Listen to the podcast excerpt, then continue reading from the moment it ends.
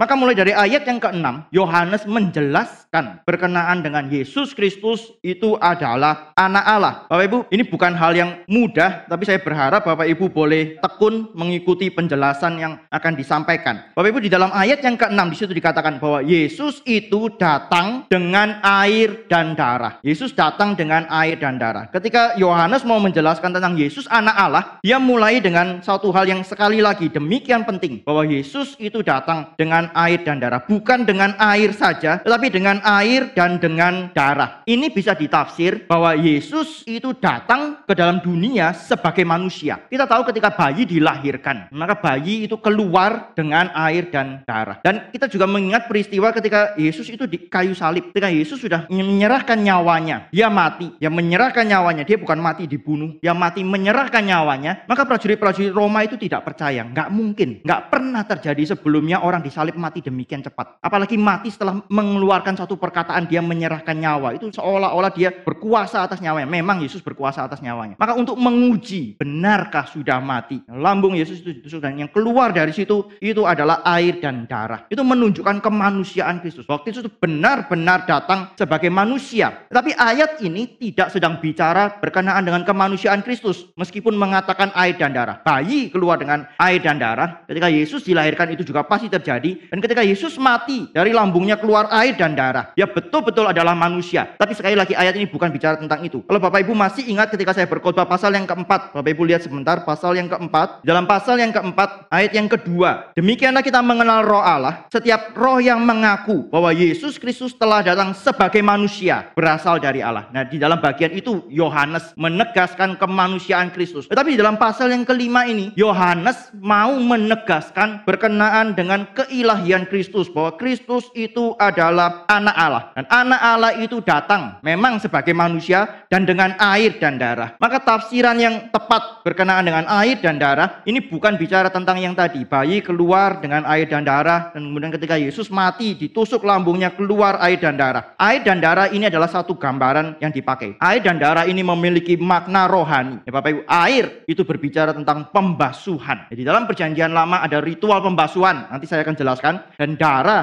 itu berbicara tentang pengampunan dosa melalui persembahan korban. Persembahan korban ada korban, ada binatang yang dipersembahkan mengalirkan darah baru kemudian ada penebusan. Saya mau mengajak Bapak Ibu untuk membaca beberapa ayat terlebih dahulu. Yang pertama dari Ibrani 9 ayat 19 sampai 22. Ini mengutip dari perjanjian lama sebenarnya. Sebab sesudah Musa memberitahukan semua perintah hukum Taurat kepada seluruh umat. Ia mengambil darah anak lembu dan darah domba jantan serta air dan dan bulu merah dan hisop, lalu memerciki kitab itu sendiri dan seluruh umat sambil berkata, Inilah darah perjanjian yang ditetapkan Allah bagi kamu, dan juga kemah dan semua alat untuk ibadah dipercikinya secara demikian dengan darah. Dan hampir segala sesuatu disucikan menurut hukum Taurat dengan darah. Dan tanpa penumpahan darah tidak ada pengampunan. Bapak Ibu perhatikan, darah dan air dipakai, dan kemudian di ayat yang ke-22 dikatakan tanpa penumpahan darah tidak ada pengampunan. Ya Bapak Ibu nanti bisa lihat di bagian bawah ini diambil dari keluaran pasal yang ke-24. Karena mari kita melihat imamat 14 ayat 51 sampai 57. Lalu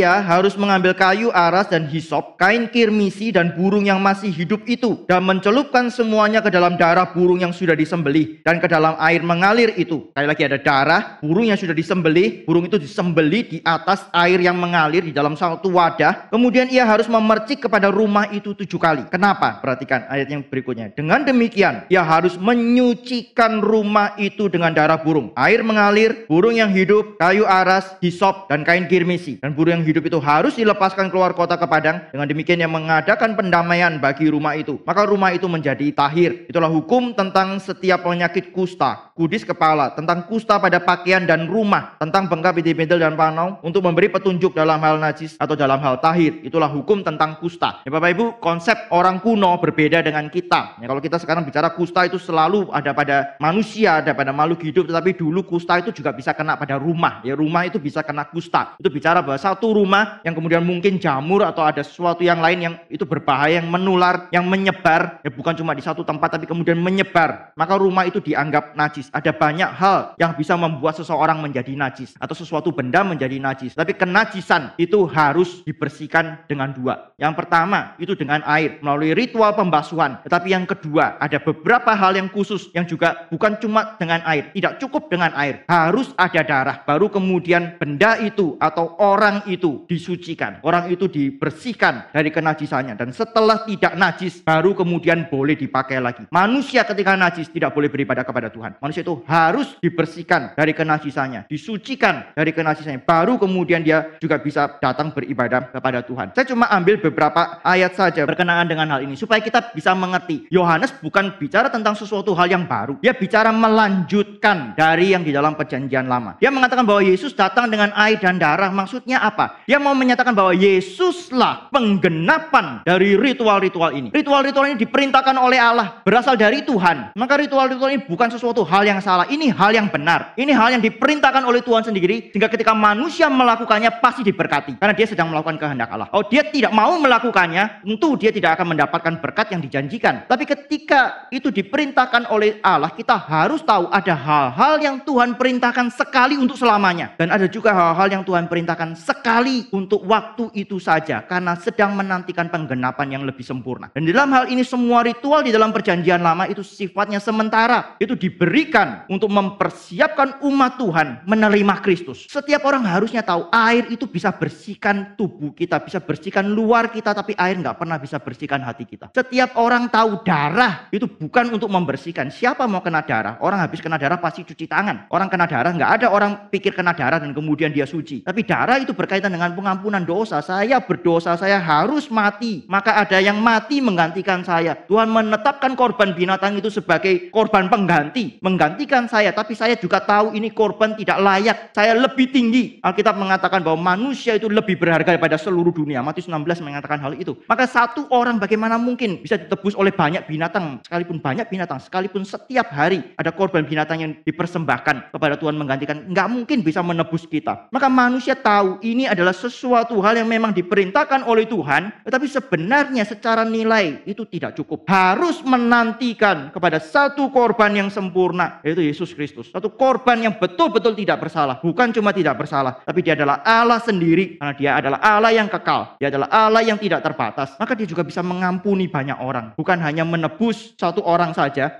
menebus satu, tetapi dia bisa menebus banyak orang sekaligus dengan satu kali memberikan korban. Kristus itu adalah korban yang sempurna. Dia sekali memberikan korban dan itu menyelesaikan seluruh ritual yang ada di dalam perjanjian lama. Maka ketika Yohanes bicara ini, Yesus Kristus itu datang dengan air dan darah. Dia mau mengajar kepada kita bahwa semua ritual yang dituntut oleh Allah di dalam perjanjian lama berkaitan dengan penyucian, berkaitan dengan pengampunan dosa, itu sudah digenapkan di dalam Kristus. Maka kalau kita kembali lagi ke atasnya, kalau kita percaya kepada Kristus yang demikian, kita adalah orang-orang yang sudah menang di dalam Kristus, sudah mengalahkan dunia di dalam Kristus. Bukan kita yang menang, Kristus yang menang. Tapi karena kita percaya kepada Dia, kita disatukan dengan Kristus oleh Roh Kudus dan kita mendapatkan benefit itu. Kita mendapatkan bagian kemenangan itu. Maka kalau kita sudah diubah demikian, kita adalah orang-orang yang pasti menyukai firman. Kita adalah orang-orang yang pasti menyukai perintah-perintah Allah.